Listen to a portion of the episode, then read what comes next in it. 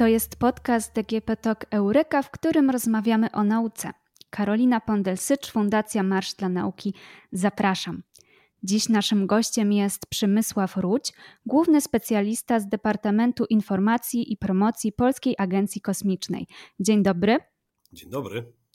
Indie wylądowały na Księżycu. Taka informacja obiegła świat 23 sierpnia 2023 roku i wcześniej lądowania na Księżycu dokonały jedynie Stany Zjednoczone, były ZSRR i Chiny. Co w takim razie ten księżycowy sukces Indii oznacza dla świata? No, trzeba, trzeba Hindusom czy Indiom jako krajowi pogratulować, że dołączyli do bardzo elitarnego grona eksploratorów e, Księżyca. E, I to pokazuje, że stają się one e, bardzo ważnym graczem światowego sektora kosmicznego. I to nawet wszyscy już wiedzieli o tym bez tego lądowania na Księżycu, tak naprawdę. Indie realizują swój program kosmiczny od wielu lat, dysponują swoimi rakietami, swoim systemem wynoszenia, mają bardzo ambitne plany, jeśli chodzi o loty załogowe. Więc wydaje się, że y, no Indie pokazały, czy udowodniły, tak, czyli już po prostu tak na, na poziomie faktów, pokazały światu, że y, my jesteśmy, jesteśmy wielkim krajem, mamy aspiracje, e, no i trzeba się z nami liczyć. Ja się bardzo cieszę z tego sukcesu Indii, ponieważ zupełnie niedawno, kilka tygodni temu, może miesiąc, e, Indie stały się krajem, kolejnym krajem sygnatariuszem porozumienia Artemis Accords, e, które jest e, jakby porozumieniem równoległym do programu Artemis, który realizują Amerykanie. Amerykanie do programu Artemis Accords zaprosili, zapraszają kraje, które, o których uważają, że są w stanie wnieść coś ciekawego, są w stanie wnieść jakąś właśnie myśl naukowo-technologiczną, oczywiście też finansowanie. Polska jest też e, wśród tych krajów, ale wejście Indii, czyli kraju, który ma ponad półtora miliarda ludzi, ponad półtora miliarda mieszkańców, tworzy z tej społeczności Artemis Accords już e, blisko dwumiliardową społeczność w skali, w skali globalnej, więc, więc to jest naprawdę liczące się, liczące się porozumienie, e, o którym pewnie później sobie możemy troszeczkę porozmawiać, bo ono, bo ono jest bardzo ciekawe samo w sobie.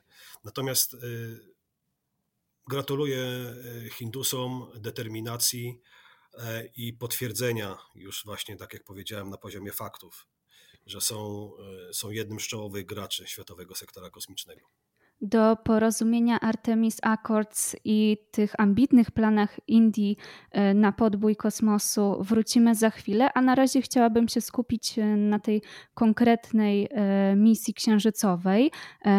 Czy ona w jakiś sposób odróżniała się od tych poprzednich lądowań na Księżycu? Tak. Jest to pierwsza misja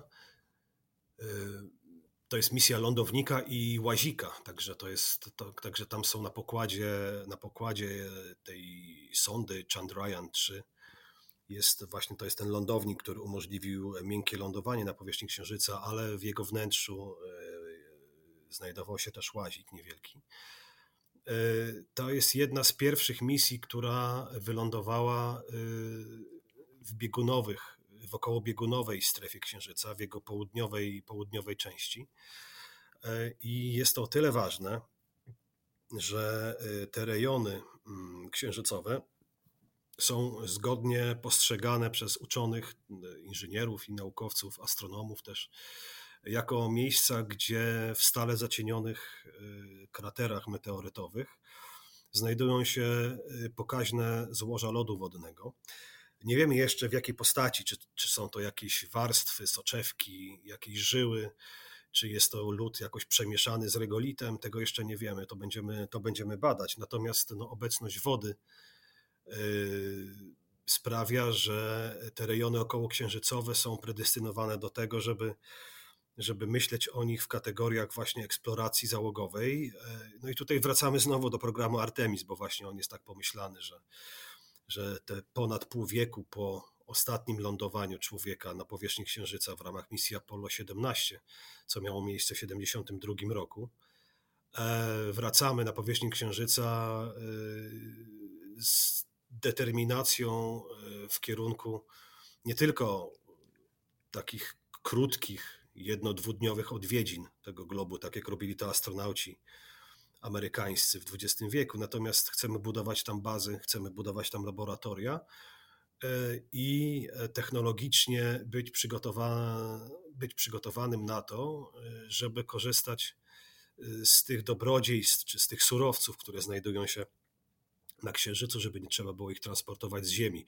No, woda jest no, związkiem chemicznym niezbędnym dla, nie tylko dla życia, ale także dla wielu dla, dla wielu procesów, do, dla fotosyntezy, dla procesów technologicznych, więc tutaj jej obecność na Księżycu jest po prostu zbawienna. Tak? Więc e, e, te misje, które będą lądowały w przyszłości, będą, będą ukierunkowane raczej właśnie na te obszary okołobiegunowe.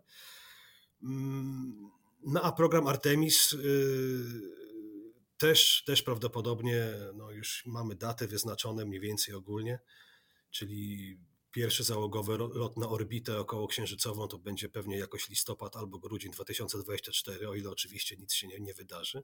A pierwsze lądowanie w ramach misji Artemis 3, tak się planuje, że to będzie rok 2025. E, Indie robią krok do przodu, e, pokazują, pokazują, że też są zainteresowane eksploracją Srebrnego Globu. E, myślę, że myślę, że takich misji będzie więcej. Czy ten lód, który odnaleźliśmy na Księżycu, możemy go wykorzystać do wody pitnej? Tak, dokładnie. Woda y, jest czymś tak dla nas powszechnym, że w zasadzie nie zdajemy sobie sprawy z jej wagi e, dla, dla życia biologicznego, ale także dla, dla takiej bieżącej działalności człowieka, który jest otoczony ze wszystkich stron technologią, przemysłem i tak dalej. Woda księżycowa to jest po prostu H2O i, e, i e, po, po, jej rozmrożeniu, bo ona oczywiście w warunkach księżycowych są tam temperatury bardzo niskie, e, po, po rozmrożeniu, po oczyszczeniu, no ona, no myślimy o niej tak, żeby ona była właśnie wodą do picia, wodą do wykorzystania w agrokulturach, takich właśnie gdzieś gdzieś uprawach roślin pod, pod e, szklanymi e, kloszami, e, czy w ramach właśnie tych budowanych habitatów, które będą chyba, no można tutaj oczywiście, to trochę jest science fiction, ale, ale tak się o tym myśli się poważnie, że w ciągu pewnie kilkunastu lat na Księżycu będą właśnie już takie stałe bazy. E, no i tam trzeba będzie uprawiać rośliny, no więc woda, która, która tam będzie pozyskiwana, ona będzie też e, pomagała, wspomagała proces fotosyntezy, produkcji, e, produkcji tej biomasy, która potem będzie wykorzystywana przez, przez astronautów. Więc tak, to jest po prostu związek chemiczny, pospolity. Trzeba będzie oczywiście przebadać tą wodę pod względem izotopowym, co będzie też bardzo ciekawe naukowo. Czy jest to woda taka, która jest y, związana, czy podobna izotopowo do tej wody ziemskiej, czy jest to woda, która ma jakieś inne pochodzenie. Oczywiście tutaj też możemy się cofnąć do, do tych takich, y, do rozważań na temat, jak się kształtował Układ Słoneczny. E, I tutaj woda ziemska też, y, jej pochodzenie jest źródłem wielu hipotez. No, taką bardzo popularną jest taka, że właśnie, że ona wzięła się z tego pierwotnego bombardowania Ziemi przez komety, czyli właśnie te, te gwiazdy, gwiazdy z ogonem, które zbudowane są z, z, lodu wodnego, z lodu suchego, czyli ze stalonego dwutlenku węgla, czy w przypadku Księżyca, który powstał e, bardzo dawno temu właśnie w wyniku uderzenia w Ziemię dużej planetoidy, czy ta woda jest jakaś właśnie podobna do tej ziemskiej, czy jej pochodzenie jest e, inne. To są bardzo ciekawe zagadnienia, ale wszystko wskazuje na to, że będzie to właśnie związek chemiczny, płyn, e, który będzie służył też właśnie do nalania sobie do szklanki przez astronautę i wypicia. Czy to skuteczne lądowanie Indii e, na Księżycu to była jedyna e, próba, jaką podjęli, czy wcześniej też były jakieś próby? Tak, no to jest tak jak tutaj nazwa mówi Chandrayaan, Chandrayaan 3. E, wcześniej, wcześniej mieliśmy, mieliśmy program, program Chandrayaan, Chandrayaan 1, Chandrayaan 2 i to jest taka jakby naturalna, naturalny krok, krok rozwojowy, czyli, czyli nie zdobywanie wszystkiego za jednym zamachem, E, a po prostu taka metoda trochę amerykańska, że, że stopniowo budujemy ten program, stawiamy sobie kolejne cele. E, I, I to ma sens, więc, więc, więc tutaj e, to wydaje się, że wydaje się, że, że ten sukces Indii jest właśnie pochodną też takiego właśnie zdroworozsądkowego podejścia do, do podboju Księżyca, co na przykład, co na przykład no nie udało się Rosjanom. Po bardzo długiej przerwie w eksploracji Księżyca Rosjanie, Rosjanie próbowali wystrzelić właśnie niedawno sondę Luna 20, Luna 25. E, chcieli zrobić duży krok po bardzo wielu latach nieobecności na Księżycu. No i, mm, no im się to nie udało. I tutaj to też jest temat na, na, na, na dłuższą rozmowę na temat miejsca rosyjskiego programu kosmicznego w ogóle w tym światowym, w tych światowych staraniach, bo wydaje się, że, że jakoś chyba jednak już Rosjanie spadli z tego przysłowiowego pudła. E, teraz mamy, mamy Chińczyków, mamy Amerykanów, mamy Indię, mamy Europę przecież, która się też bardzo liczy. E, Także, także tutaj te dwie udane wcześniejsze misje, Chandrayaan 1 i Chandrayaan 2, e, zbudowały taką bazę technologiczną, bazę doświadczeń, które zaowocowały w tym przypadku. To teraz wróćmy do tych planów Indii na podbój kosmosu, o których Pan wspomniał na początku. E, jest to między innymi plan na misję z udziałem astronautów czy budowa własnej niezależnej stacji kosmicznej. Na ile te plany są realne? Są bardzo realne. To jest kraj, e, kraj e, z ogromnym potencjałem demograficznym, z ogromnym potencjałem naukowo-technologicznym. Zresztą e, uczeni hinduskiego pochodzenia, oni od lat stanowią pierwszy garnitur, jeśli, jeśli chodzi o naukę, tą taką naukę przez, przez duże N. Fizycy, kosmologowie, astronomowie, inżynierowie, fizycy kwantowi, fizycy jądrowi, to jest, to jest, to jest po prostu, e, to, o, o nich mówi się zawsze z szacunkiem. I jeżeli widzimy, że swój niezależny program kosmiczny prowadzą Chiny, które w tej chwili mają przecież też swoją stację kosmiczną, e, gdzie w tej chwili właśnie są nawet chyba w tym czasie, w czasie naszej rozmowy nad nami e, krążą, krąży i stacja ta właśnie amerykańsko-rosyjsko-japońsko-europejska, e, to krąży też oczywiście e, stacja kosmiczna chińska. Nic nie stoi na przeszkodzie, żeby stopniowo i Indie wynosiły w przestrzeń kosmiczną elementy składowe swojej stacji kosmicznej, no i zapoczątkowały swój niezależny od czynników zewnętrznych politycznych i gospodarczych y, swój program orbitalny. Także myślę, że to jest kwestią, kwestią czasu, kiedy ten, kiedy ten ambitny program y, postawi sobie właśnie taki cel. Wspomniał już Pan o tym, że Indie dołączyły do programu eksploracji Księżyca Artemis Accords, do którego również dołączyła Polska. E, I e, to porozumienie, czego ono dokładnie dotyczy? To jest bardzo ważne porozumienie i krok w kierunku po pierwsze, budowania społeczności międzynarodowej w kierunku ustanowienia czy prób ustanowienia prawa kosmicznego, czyli prawa, które będzie powszechnie akceptowane, tak jak jest prawo międzynarodowe, które reguluje stosunki e, między państwami e, w zakresie po prostu kuli ziemskiej, tego co się na niej dzieje. Pierwszy krok y, w kierunku właśnie takiego prawa uniwersalnego, kosmicznego, które będzie regulowało działalność człowieka na orbicie, działalność człowieka na innych ciałach niebieskich. Ma to niebagatalne znaczenie, ponieważ y, tam, gdzie, tam, gdzie pojawia się człowiek ze swoją technologią i, i z jakimiś planami eksploracji, Tam się pojawiają problemy typu na przykład wyznaczenie obszaru wyłączności, wyłączenie, wyznaczenie obszaru, gdzie inne państwo, czy jakaś strona trzecia, no nie może po prostu ingerować, tak jakby, no, żeby nie wchodziła w, w kolizję z planami tego, tego kraju, który, czy tej, tej grupy krajów, które zamierzają coś robić.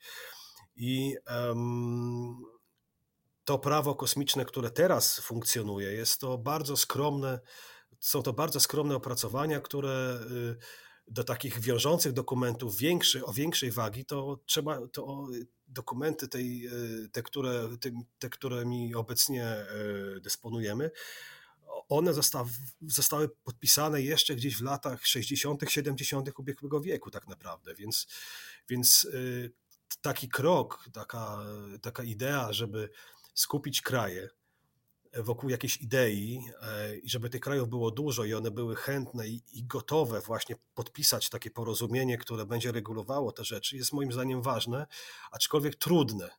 Trudne, do, bo można zakładać, że w sytuacji, kiedy ten świat się spolaryzował bardzo mocno, teraz mamy jeszcze wojnę na Ukrainie, która też pokazuje tą polaryzację, że świat zachodu znowu jakby stanął w opozycji do tego wschodu, rozumianego właśnie tutaj przez, przez współpracę chociażby rosyjsko-chińską. E, trudno sobie wyobrazić, że, e, że tą, tego ducha porozumienia Artemis Accords podchwycą, podchwycą Rosjanie i Chińczycy. Wydaje się, że raczej będą oni pełnili tutaj rolę hamulcowych albo właśnie takich krajów, które będą chciały forsować jakieś swoje rozwiązanie. No ale ale tak jak wspomniałem, że tutaj ta dwumiliardowa społeczność e, po wstąpieniu Chin, e, przepraszam, po wstąpieniu Indii, sprawia, że ten, ten, to porozumienie Artemis Accords na, nabiera znaczenia i trzeba się z nim liczyć. E, ono dotyczyć będzie między innymi też eksploracji, eksploracji ciał niebieskich w, w obrębie Układu Słonecznego i tutaj pojawia się kolejne, kolejne mm, kolejne plany związane z tak zwanym górnictwem kosmicznym, czyli, czyli e, no, to są już. E, kiedyś pisali o tym pisarze science fiction. Teraz to jeszcze w dalszym ciągu jest, e, jest to domena tych, tych powieści, tych historii właśnie związanych z literaturą, z beletrystyką, ale, ale w związku z tym, że odkrywamy planetoidy, które, które zawierają no, surowce, które na Ziemi były, byłyby bardzo przydatne, albo byłyby możliwe w ramach rozwoju technologii do wykorzystywania na miejscu, in situ, jak to mówią specjaliści, e, no to tutaj właśnie ta kwestia górnictwa kosmicznego urasta już do potencjalnej dziedziny aktywności człowieka, e, o której e, już tworzy się technologie, tworzy się także kierunki studiów i to nawet w Polsce. Proszę sobie wyobrazić, że na AGH, na Akademii Górniczo-Hutniczej w Krakowie y, powstał już kierunek studiów, y, gdzie jednym z przedmiotów, czy jednym właśnie z zakresów tematycznych jest wiertnictwo kosmiczne, więc, więc w którym zresztą Polacy mają jakieś doświadczenia swoje, e, swoje swoją, swoją, swoją wiedzę, swoją, swój know-how Tutaj warto się, warto się, że tak powiem, cofnąć do misji Rosetta na, na jądro komety Churymow-Gerasimienko, gdzie właśnie był ten penetrator gruntu zaprojektowany w Polsce, czy misja InSight marsjańska, gdzie ten marsjański wbijak też próbował wykonać jakieś zaplanowane wcześniej zadania, więc, więc y, ten temat będzie rozkwitnie moim zdaniem w ciągu kilkudziesięciu lat, y, ale raczej y, kwestią jest nie czy, tylko kiedy on nabierze znaczenia, y, a to, czy będziemy sprowadzać surowce na Ziemię, czy wykorzystywać je w przestrzeni kosmicznej, to pewnie się okaże już niebawem. A czy możliwe jest, żeby Europejska Agencja Kosmiczna dołączyła do grona agencji kosmicznej, które zrealizowały lądowanie na Księżycu? Tak, jak najbardziej. Wydaje się, że ta ścisła współpraca między Europą a Ameryką E, bo przecież e, w porozumieniu Artemis Accords e, biorą udział kraje członkowie ESY, Europejskiej Agencji Kosmicznej. Wydaje się, że, że ta współpraca będzie się stale zacieśniać.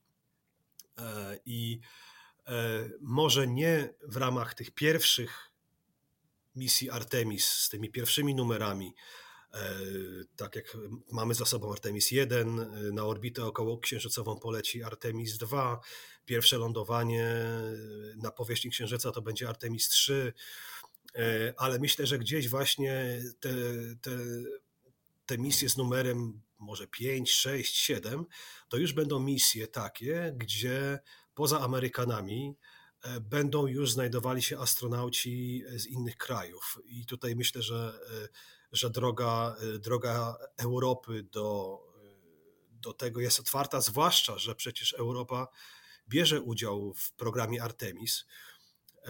Przecież ten statek Orion, statek, który wynosi astronautów E, w kierunku Księżyca, e, no jest, e, jest jego moduł serwisowy został zbudowany w ESie w Europie, więc, więc tutaj ta współpraca już nie jest taka hermetyczna jak w czasach zimnej wojny, gdzie kraje realizowały w tajny sposób bardzo często swoje programy. One były bardzo hermetyczne, często wojskowe astronautami mogli być tylko żołnierze, piloci, myśliwców i tak dalej. W tej chwili, w tej chwili badania kosmiczne oparte są o współpracę międzynarodową. Na, na orbitę latają, są wynoszeni specjaliści z różnych branż, medycy, lekarze, biotechnolodzy, chemicy, informatycy, matematycy, fizycy. E, także, także wydaje się, że tutaj kwestią czasu jest też udział fizyczny udział astronautów europejskich e, w, w misjach księżycowych. Jeżeli e, ten podbój kosmosu jest teraz taki właśnie bardziej międzynarodowy, to jaka jest rola Polskiej Agencji Kosmicznej e, w tych działaniach? To bardzo dobre pytanie i cieszę się, że mogę na nie odpowiedzieć, ponieważ mam, mam co do coś do powiedzenia w tej kwestii. Warto wiedzieć, że mm, w tym roku też zupełnie niedawno, e, prezes Polskiej Agencji Kosmicznej, profesor Grzegorz Wrochna, ogłosił e, plany polskiej misji księżycowej, która prawdopodobnie będzie właśnie jednym z elementów realizacji programu Artemis. Ta misja księżycowa dotyczy, e, dotyczyć będzie problemu badań surowcowych, czyli surowców znajdujących się na Księżycu, a dokładnie zmapowania, dokładnego zmapowania powierzchni Księżyca E, czy tych warstw podpowierzchniowych e, płytszych e, w kierunku właśnie, co one zawierają, w jakiej ilości, jaki jest rozkład przestrzenny tego wszystkiego. I ma to być sztuczny satelita Księżyca, który w ramach tak zwanego payloadu, czyli ładunku, który mieści się w tej wolnej przestrzeni ładunkowej rakiety, czy tam tego właśnie statku kosmicznego, który będzie leciał w kierunku Księżyca, potem będą po prostu tam uwolnione e, na orbitę okołoksiężycową i będzie mapował, mapował e, srebrny glob. No i to będzie bardzo ważna kontrybucja polska, właśnie taka naukowo-technologiczna w kierunku właśnie badania i eksploracji przyszłej Księżyca. I to jest jedna rzecz. Druga rzecz to jest to, co się wydarzyło dosłownie wczoraj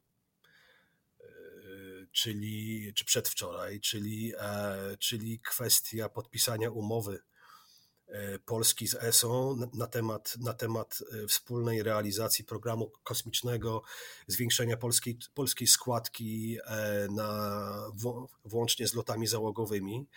Mamy deklarację już, że polski astronauta w przyszłym roku pojawi się na Międzynarodowej Stacji Kosmicznej, wszystko na to wskazuje. E, tutaj jeszcze operuje się tym właśnie takim stwierdzeniem, e, że to jest polski astronauta, natomiast oczywiście tutaj wszystkie, wszystkie oczy skierowane są na postać doktora Sławosza Uznańskiego, który jest jakby naturalnym, e, naturalnym kandydatem, który przeszedł właśnie tą ścisłą selekcję, zostawił za sobą ponad 20 tysięcy innych ochotników e, czy śmiałków, którzy chcieli dołączyć do korpusu astronautów ESA. W tej chwili on się znajduje w korpusie rezerwowym, ale wydaje się, że jeśli on przejdzie ten chrzest związany właśnie z misją, z misją, z misją e, na ISS, e, planowo to będzie prawdopodobnie 10 dni, więc tam on pobije dużo rekordów polskich należących do tej pory do świętej pamięci generała Hermaszewskiego No więc wydaje się, że tutaj ta, ta polska obecność będzie stale rosła. ESA ogłosiła też niedawno, zademonstrowała czy przedstawiła stronę internetową, gdzie polskie podmioty naukowo-badawcze mogą zgłaszać pomysły eksperymentów orbitalnych, y, te, które przeprowadzić miałby, y, miałby Sławosz Uznański. E, także są plany bardzo, y, bardzo zaawansowane i takie właśnie szeroko rozpisane i konsultowane, żeby, żeby obok tych właśnie eksperymentów naukowo-technologicznych Sławosz Uznański też część swojego czasu poświęcił tam na edukację, czyli takie właśnie działania E, które mają inspirować e, młode pokolenie do tego, żeby interesować się tymi sprawami, żeby dostrzegać potencjał technologii kosmicznych, żeby dostrzegać też jakąś swoją ścieżkę kariery w tym sektorze. To się też wpisuje w ustawowe działa e, obowiązki Polsy, Polskiej Agencji Kosmicznej w kierunku właśnie pozyskiwania przyszłych kadr sektora. Więc myślę, że cieszy mnie to, że rośnie składka i to znacząco, a w związku z tym, że zasadą w ESie jest to, jest ten zwrot geograficzny składki wpłacanej, czyli, czyli można zakładać, że e, z tych 100% składki, którą będziemy wpłacali, około 90, 80, może 90% będzie wracało do kraju w ramach zamówień, więc tutaj e, to jest też bardzo łakomy kąsek i coś, co może napędzić krajowy sektor e, kosmiczny do, do rozwoju, do planowania różnego rodzaju e, działań deweloperskich, e, no, które będą budowały ten sektor, że on będzie też motorem napędowym gospodarki, ludzie będą odczuwali zwrot społeczny, przecież te firmy będą zatrudniały ludzi, będą płaciły podatki, E, będą budowały e, nowoczesną gospodarkę XXI wieku, więc wydaje się, że, że jesteśmy świadkami naprawdę e, dużego kroku naprzód, jeśli chodzi właśnie o polski sektor kosmiczny i jego osadzenie w programach Europejskiej Agencji Kosmicznej, w programach NASA, w, samodzielnym, w samodzielnych staraniach też w kierunku budowy narodowego systemu informacji satelitarnej, czy w ogóle właśnie budowy zdolności do, wy, do wynoszenia różnego rodzaju satelitów, więc, więc warto ten temat śledzić. Wróćmy jeszcze na chwilę do tych misji z udziałem astronautów. Czy wiemy albo możemy określić, e, kiedy ludzie wrócą na Księżyc? Tak. E, w tej chwili, e, w tej chwili, tak jak już chyba nawet podawałem, są to na razie terminy orientacyjne, bo oczywiście wiele zależy od, no, od różnych czynników. Nie tylko okna startowe, czynniki polityczne, gospodarcze. Tutaj trzeba jednak trzeba brać pod uwagę, że, że ostateczne terminy są podawane, podawane, podawane no, tuż przed, przed startem, ale deklaracje są na chwilę obecną taką, że, że, że misja Artemis II leci na Księżyc właśnie gdzieś pod koniec 2024 roku, czyli powiedzmy e, nieco ponad, ponad, ponad rok od tej chwili, w której my teraz rozmawiamy. A misja Artemis 3 poleci na Księżyc i wyląduje na jego powierzchni w roku 2025. Tutaj ważnym czynnikiem, który musi musi się udać, jest, y, są testy firmy Star, Star, SpaceX, e, która jest odpowiedzialna za lądownik księżycowy Starship. E, I te testy, ostatni test tej rakiety w pełnym, taki, w pełnej konfiguracji, czyli z, z tym modułem Super Heavy, e, no niestety się nie udały i myślę, że w ciągu najbliższych tygodni E, będziemy świadkami kolejnego testu, który, no, który no, dobrze by było, żeby się powiódł, bo, bo od tego lądownika, czy, czy od tego systemu, czyli Starship i właśnie z tym modułem Super Heavy, zależy też e, no, ten, tak jak ta misja jest pomyślana. E, otóż ten Starship, on ma być nie tylko lądownikiem księżycowym, ale także stacją dokującą i taką stacją jakby paliwową trochę. Będzie tam można tankować e, paliwo niezbędne do, do lądowania i powrotu z powierzchni Księżyca, wielokrotnego. Więc, więc dopóki ten Starship nie będzie sprawny, nie będzie przetestowany i nie będzie skuteczny i, i pewny swojego, swojego działania, no to pewnie ten program Artemis się będzie opóźniał, ale trzymamy kciuki wszyscy, żeby to się udało. I chyba w tych ramach czasowych na razie, na razie e, bez, bez żadnych zbędnych spekulacji powinniśmy się trzymać, czyli właśnie 2024-2025 rok.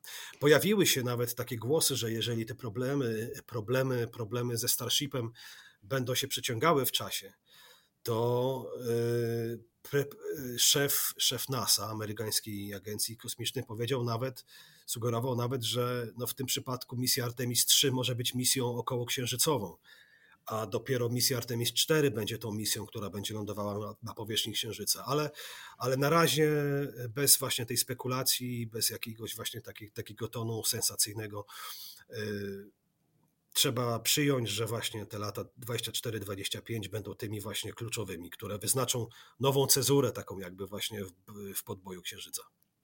Miejmy nadzieję, że wszystkie te testy i przygotowania do lądowania ludzi na Księżycu przebiegną pomyślnie i te wszystkie nieziemskie e, dokonania i badania, o których mogliśmy e, usłyszeć, i plany, jak na przykład pozyskiwanie wody pitnej z Księżyca czy górnictwo kosmiczne, to już nie będą tylko opowieści science fiction, ale nasza rzeczywistość. Dziękuję bardzo za rozmowę. Dziękuję bardzo, kłaniam się.